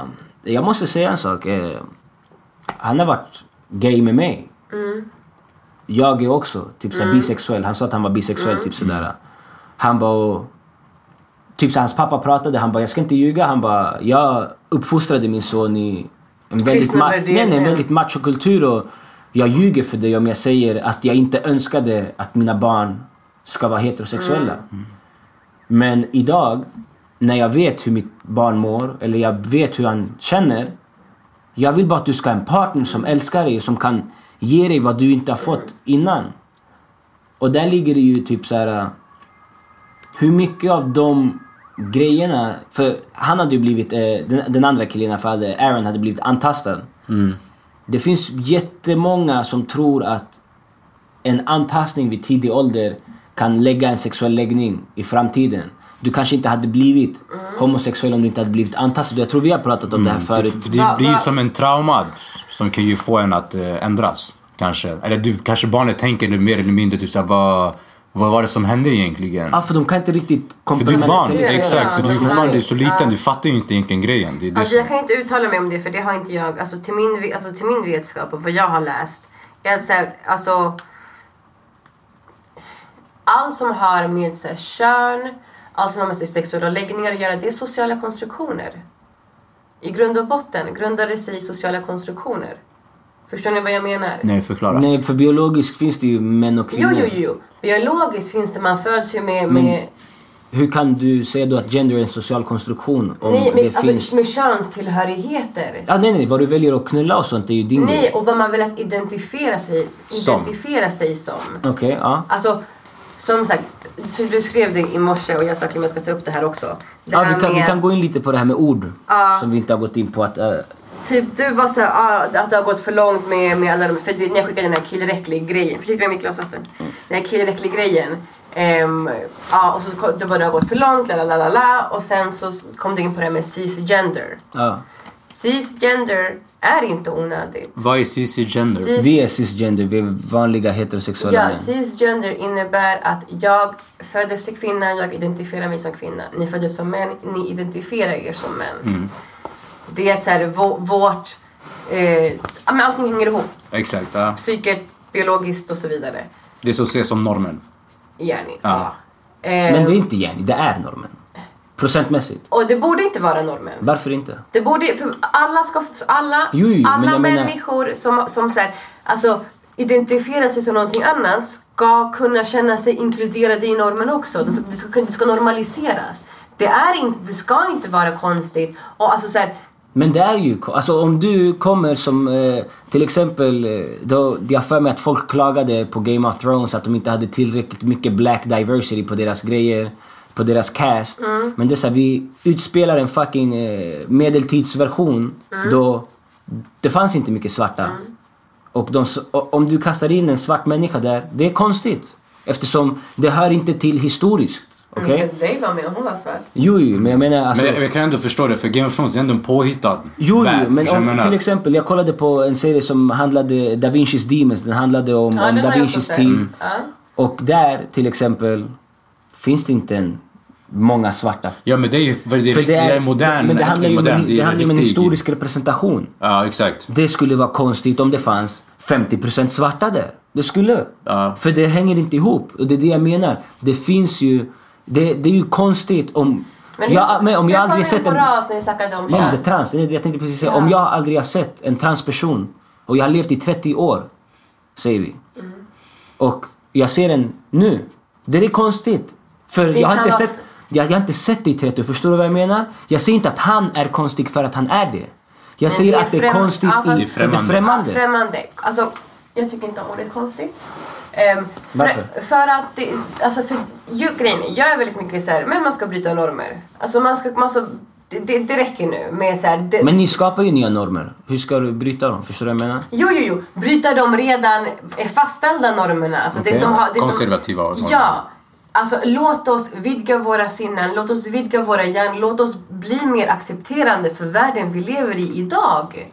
Där som sagt det inte är okej att uttrycka sig Alltså homofobiskt, transfobiskt, funkofobiskt, alltså alla fobier, alltså rasism och så vidare. Vad är Anti- funkofobiskt? Funkofobiskt är det här jag pratade med dig om sen när man säger efterbliven, CP. Mm, Alltså att använda... Men typ såhär... Efterbliven är ett ord som jag gillar att använda när vi pratar om en hämmad utveckling. Eftersom Det är en hämmad det är en hämmad utveckling. Ja. Som vi pratar om om att vi män är, nej, men om vi, vi män är emotionellt efterblivna Ja. tycker jag är en bra Ja. term att använda. Ja, eftersom- men du kan inte men- kalla mig för efterbliven för jag har det, det, och det Nej, nej, ändå- men om du har ett tankesätt som är efterblivet ska jag kunna säga det utan att det ska bli ett pådrag för att jag använder ordet efterbliven. Förstår du vad jag menar? Som Mm. Men- att tänka att jorden är platt är en efterbliven tanke. Rakt av. Det är en efterbliven tanke. Varför ska jag inte då få kunna uttrycka det med det ordet när den hämmar utvecklingen? Förstår du? Alltså jag fattar vad du menar. Nu är det ju ett, ett, Ord. ett, ett ord Av av, många. av många. Exakt. Ehm, vart var jag? Jag har tappat tråden. Du pratade att man inte fick säga ord som Nej, efterbliven ja, och men att man, ja, och att det finns idag konsekvenser av att uttrycka sig på ett visst sätt. Och det har vi också snackat om, att du tycker att det är för radikala konsekvenser av med ditt förlora jobb och så vidare. Kevin Hart, Oscarsgalan till exempel. Fortsätt. Ja, och som sagt, där håller jag med. Han, han, han tog sitt ansvar, han bad om ursäkt. Sen att det blev ett till drev när han blev tänkt för, för Oscarsgalan. Fan, alltså det, det är en annan grej liksom. Han tog ansvar, han gjorde det han kunde. Och jag beundrar honom för att han stod upp och sa nej, jag har redan bett om ursäkt, jag tänker inte göra det igen. Har du sett hans dokumentär? Nej, inte än, jag jag, ko- den. jag kollade på den och där jag höll fast under dokumentärens gång. Jag bara, det är helt rätt vad han gjorde. Han, sista avsnittet sa Fuck, jag kunde ändå gjort det bättre. Jag kunde ju hanterat det. Jag, kunde inte, jag behövde inte vara så låst Mm. som jag var. Och jag blev så jag bara, fucking Kevin jag. Jag höll där med dig Ja. att du ska vara stark. Och nu du ändrar, you, switch on me, förstår du vad jag menar? Och eh, Man, man var väl bara lite efterklok. Det går väl alltid att göra det lite bättre. exakt. Standard. Men sen behöver han inte göra om det bara för det. Ja, ja, men typ så här. Han vägrade ju säga förlåt Igen. igen. Sen så gick han på en kampanj där han sa förlåt. Alltså mer eller Ah, mindre. okej. Alltså han, han gjorde ju det utan att säga förlåt. Typ så här, jag har redan adresserat det här. äh, Gå tillbaka till den här tiden och bla bla. Och sen så var det en, en, en tjej i hans eh, team. Jag vet inte om hon var publicist eller någonting sånt där. Och hon sa, hon bara typ, hon bara killen som ska anordna mitt bröllop är gay. Och han frågade mig. eh, ska, ska du verkligen acceptera vad Kevin Hart har gjort mot the gay community? Typ så här, hon bara, dina uttryck och dina val som du gör nu efter det här påverkar inte bara dig. Det påverkar jättemånga. Och det där han ändrade sitt sätt att tänka för han blev så här shit, jag, jag visste ju inte att det kunde påverka dig på de här sätten. Jag tror hon drog upp så här två, tre andra grejer som hade direkt påverkan på hennes liv. Där de bara, ska du verkligen stå bakom den här mannen? Ja, För då kanske vi vill inte hjälpa dig. precis. Mm, precis. Och där har du ju en direkt effekt av vad han har gjort. Och då måste man ju någonstans kunna ändra sin åsikt, se saker från den stora sidan och bara... Ja shit, jag kanske hanterade det här fel. Men som du säger, att han ska gå ut och du vet, på, på en mediekampanj om att be förlåtelse igen. Jag tycker inte att han skulle behöva göra det när han redan har gjort det. Förstår det du? låter också lite som, kan- tänk om man bara förlorat fett mycket pengar på det hela och sen märkte jag måste fixa till det. Ja. Det, det Alltså- finns mycket saker som är bakomliggande. Grejen är alltså principfast i all ära. Alltså absolut man ska hålla fast vid sina principer men man måste också kunna vara öppen för att se andra perspektiv och det andra, alltså andra sidan av myntet också. Ehm, och det är därför som sen när, när vi pratar om, om just sådana här saker, när vi, när vi hade vår superlånga SM, eh, konversation på Instagram, när vi skickade röstmeddelanden. Och där du säger, ah, men det har gått för långt och så här, det här med em, kulturell appropriering och allt vad det kan vara och, eh, och om någon vill klä sig i indiankläder bla bla. Och när jag drog upp exemplet att för dig är det ingen kamp. Nej. Men för många andra är det en reell kamp. Att vi kan inte alltid typ såhär, ah, folk är för lätt stötta. Ja, absolut. Men de ska vara det. För det är inte okej att, alltså det är inte okej längre att säga vad man vill utan konsekvenser. För det är Alltså- någon struggle. Konsekvenser har ju funnits till olika grader förut. Den, den eh, sociala konsekvensen har dock inte funnits lika länge som den har funnits nu. Instagram. Men Alltså- här är ju grejen att människor ibland, till exempel vad, vad själva grejen med Kevin Hart, hans grundanledning till varför han inte ville be om ursäkt. Han bara för jag vill inte att folk ska hålla mig till den människan jag var förut. För på det sättet du hämmar min utveckling. Ja, jag ja. kollar inte bakåt, jag kollar framåt. Jo, men man måste också ta ansvar för Jo, vad men man han har hade ju gjort det. Det är Ja, det han ja, menade. Han, jo, hade, ju-. Mm. han bara, jag hade tagit ansvar då, när det hände. Och sen dess, inte ett enda sånt där skämt har kommit. Så Det var 2008 eller 2009 tror jag. Inte ett enda sånt där Mm. Ja, ja. skämt har kommit. Eddie Murphy berättade när han kollade på sina gamla stand-ups. Mm. Han bara, jag cringe. Han bara, min själ den vrider på sig när jag kollar hur många homofobiska skämt jag hade. Mm. Han bara, för det är inte jag idag. Han bara, men det var det som var normen Ja, och det är det jag menar, att, att samhället utvecklas. Exakt, men så- ska någon, om Eddie Murphy idag vill göra en stand-up och hamna på någon stor gala. Ska folk gå nu och bara "Ey, knulla dig Delirious 83? Men som offentlig person måste han ju ta ansvar och göra en sån public statement. Så Mm. okej, jag sa det här. Okunskap, vad det nu Mm. kan vara. Det är inte, det är inte alltså mina eh, värderingar idag. Mm. Alla offentliga personer har ett ansvar. Och det är det jag menar med man har ett ansvar som offentlig person att inte säga, alltså att inte bara slänga ut sig alla de här fobiska grejerna. Att tänka Rasism- till. Att tänka till. Och om du inte tänker till, då får det konsekvenser. Hörde ni den här nyhetsankaren på, mm, eh, som rapporterade om Kobe? Nej. Hon sa, om hon, kolla, om hon sa fel, jag vet inte. Det lät som att hon sa en ordet istället för Lakers. Mm. Nej. Jo. Jag kan visa er sen. Okej. Och det är så här, och alla bara ah, sparka henne, sparka henne, bla bla bla. Ehm, som sagt, om det var att hon bara sa fel, nakers, eller det andra, eller vad det nu, vi vet inte, eller jag har inte kollat upp det mer. Men det har hänt alldeles för många gånger för att inte höja på ögonbrynen. Och inte ifrågasätta så här, hände det här verkligen? För ja, det är det jag menar med att så här, hon kommer bli held accountable på ett eller annat sätt. Exakt. Och om det var att hon bara sa fel, då får hon gå ut med en public statement och bara Det var inte det jag menade. Alltså typ såhär, det blev bara, alltså förstår ni hur jag tänker? Men typ så här, där kommer vi till det här med att, att police speaking, typ så här, att man... Eh, Men det behövs. Jo, jo, men typ så här, jag hade en jättebra argument. Till exempel, vi pratade om det här med trans, eh, cis och allt det här. Att jag väljer att kalla dig för ditt pronomen eller vad du nu vill kallas för. Pronomen. Pronomen. Eh, det har inte att göra med, eller det är av dig, om, om ni ska tvinga mig att säga någonting till dig, det är att ni ska, för, för de pratar ofta om respekt, jag blir inte respekterad om jag inte blir kallad på det här. Men, men vad menar du? Tvingas till, tvingad till vad? Eh, I Kanada har de inställt massa, ställt in massa lagar på att om du inte kallar människor för deras pronomen, du kan bli laglig held accountable. Alltså böter eller såna här saker. Okej. I New York har jag för mig att en college, eh, någon lärare Mm. hade, fått, eh, hade blivit sparkad för att han hade sagt fel pronoun till någon Mm. eh, elev. Och eleven valde att persecute, Mm. gå efter läraren. Jo, kolla. Jag, kan- Lagen Mm. ska inte gå med i vad du säger.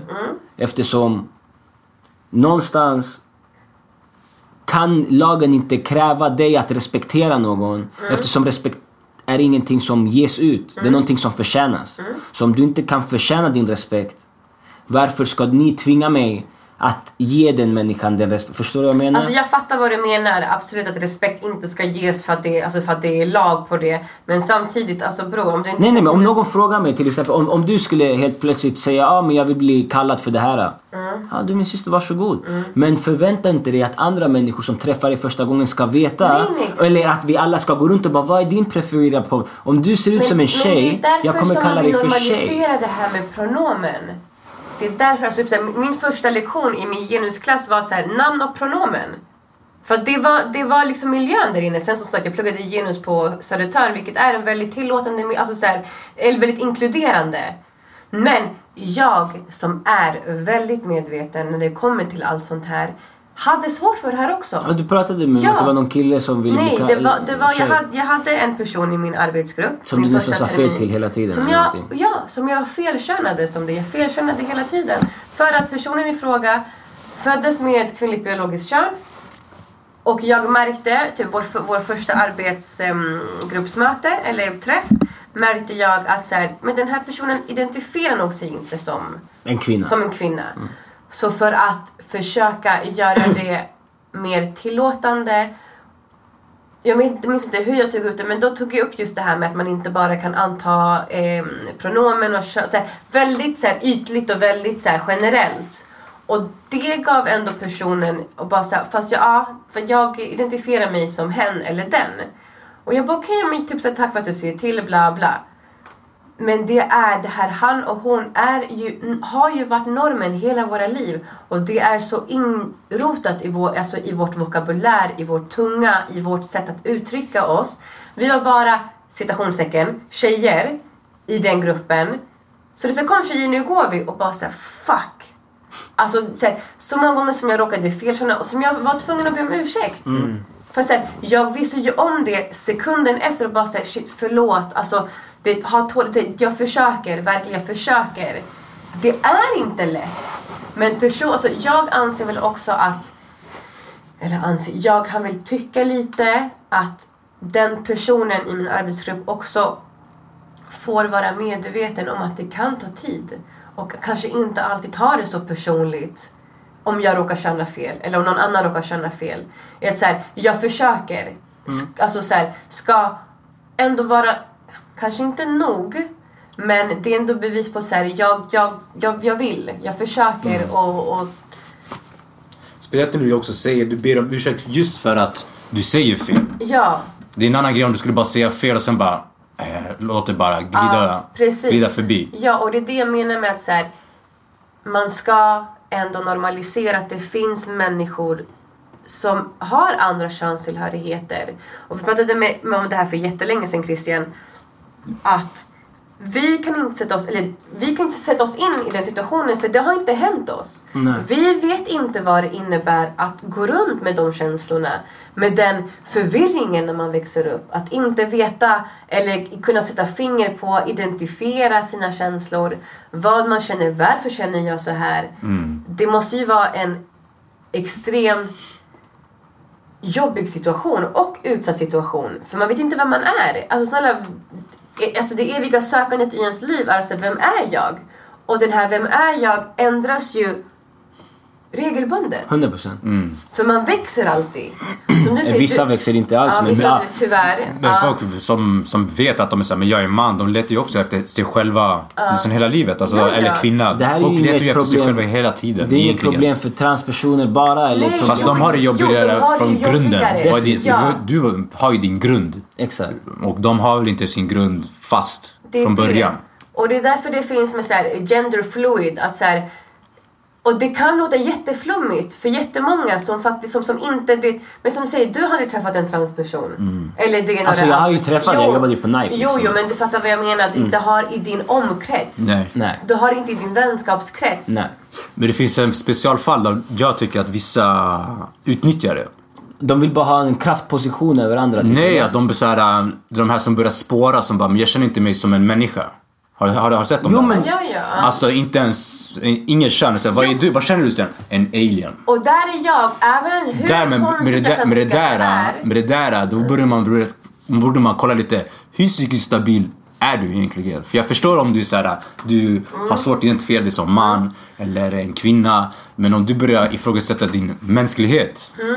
Fast där är jag så vet du vad, om du vill ifrågasätta din mänsklighet, varsågod. Lev och låt leva. Om det, om det är din Men du, grej. men du måste tänka Men såhär, de om låter de... ju inte leva. De går ju och pressar folk för att de inte blir kallade för det de vill bli kallade eller för... Ja. Men på, vil, på vilket sätt? De påverkar inte mig. Men du måste tänka såhär, om någon person går runt och tror att de är en marsian. Till exempel. Så för det finns en, jag kommer inte ihåg vad han heter, jag ska visa dig sen. Uh, då måste du tänka, då måste det kanske vara något psykiskt fel. Vad mer kan vara fel? Och sådana då behöver en annan typ av hjälp. Det är inte mer nu så här, ah, nu ska vi skönhetsoperera dig så du får uh, fyrkantiga ögon. Förstår du vad jag menar? Det är det jag menar. Att Ja, vissa, ja. vissa nu, vissa utnyttjar det tycker jag. Jag tycker att alla borde gå till psykologen. Alltså alla män... Speak, för alla... sen, tänk om du, vi vet inte, tänk om du är sån där som har Alltså såhär psykopat, eh, någonting, så plötsligt... Nej men jag menar såhär, alltså det, jag tycker att allt som har med psykisk ohälsa ska normaliseras. Det är inte tabu att, att, att vara deprimerad eller Nej, stressad. nej. Inte kunna hantera det. För det är jättemånga som inte kan hantera eh, vad det nu än kan vara. Men det är sån tabu. Det, börjar, det har börjat normaliseras men det är fortfarande tabu. Så, aha, går du hos psykolog? Och speciellt för män. Män är de som tar självmord alltså, så stat, statistiskt sett mer än kvinnor. Ja, 100 procent. För att de söker inte hjälp när de har dåligt. De har inte så många att prata med. Nej, men jag menar ändå alltså, söker professionell hjälp. Som faktiskt behövs i många, många, många fall. Men det är en grej som vi till exempel eh, har ändå snackat om senaste tiden med vår gru- grupp vi har med grabbar. Någonstans, jag skulle inte säga att vi är en, en psykologgrupp du vet, men idag vi har mycket enklare om någon har problem. Vad är bror, vad händer? Alltså vi pratar mycket mer Mm. Det om våra problem märkt. än vad vi gjorde förut. Ja. Och det har hjälpt oss alla på traven. Mm-hmm. Eh, på många olika sätt. Och det är någonting som sagt som borde göras oftare. Gud ja. Och Alltså jag vet inte. Nej, det, här Mm. med, det här med som han är på och touchar här med psykisk ohälsa när det gäller såna här människor. Mm. Jag tycker att det finns en gräns till vad som är tillåtet. Förstår du? Du kan inte identifiera dig som ett barn och bara jag vill knulla barn för att jag identifierar mig som ett barn. Eller du skulle aldrig tillåta att jag skulle identifiera mig som svart och bara gå runt som Nej, svart. inte Nej, men varför är det inte okej? Men det är okej att identifiera dig som en fucking katt eller som en, som en raccoon. Eller förstår du vad jag menar? Vart går gränsen och varför finns de här gränserna när det gäller vissa raser? En svart människa kan klä ut sig till vit. Dave Chappelle har gjort det, Chameleon har gjort det, hur många som helst har gjort det. Det är chill. Men det funkar inte Mm. Fast- omvänt. Förstår Nej, jag vi menar? kom, fast vi, vi, nu kommer vi in på en superkomplex konversation. Jag känner att tiden börjar um, Rinna Rinna ut. rinna, rinna ut. Vi kan ta det till nästa Vi kan ta podd. det till nästa podd. För Men- det är också en jätteintressant, för vi, alltså, vi, har pratat väldigt mycket just om det här med kulturell appropriering. Säg cultural appropriation och appreciation. Och att det är en hårfin linje mellan dem också. Men som sagt, det är ett helt annat, annat tema. Som kommer ta lite Ja. längre tid att gå igenom. Summa kardemumma, lev och låt leva. Var accepterande. Don't be a douche. Alltså försök att så här, Alltså gå ur ditt eget perspektiv, gå ur ditt eget skal. Eh, vidga dina, alltså, dina sinnen, kolla på dokumentärer, kolla på saker du kanske vanligtvis inte skulle göra. Försök sätta dig in i andras skor. Ja, precis. Ja men då så, då var det allt för idag. För detta avsnitt av Ovanlig standard. Tack för att jag fick vara med. Vi började det här året med kom. en väldigt informativ podd här om, om känslor och hur man ska förhålla sig till vissa saker. Och vi vill tacka dig Cindy att du ville vara med här som vår andra kvinnliga gäst. Anytime. Må bäst allihopa. Peace.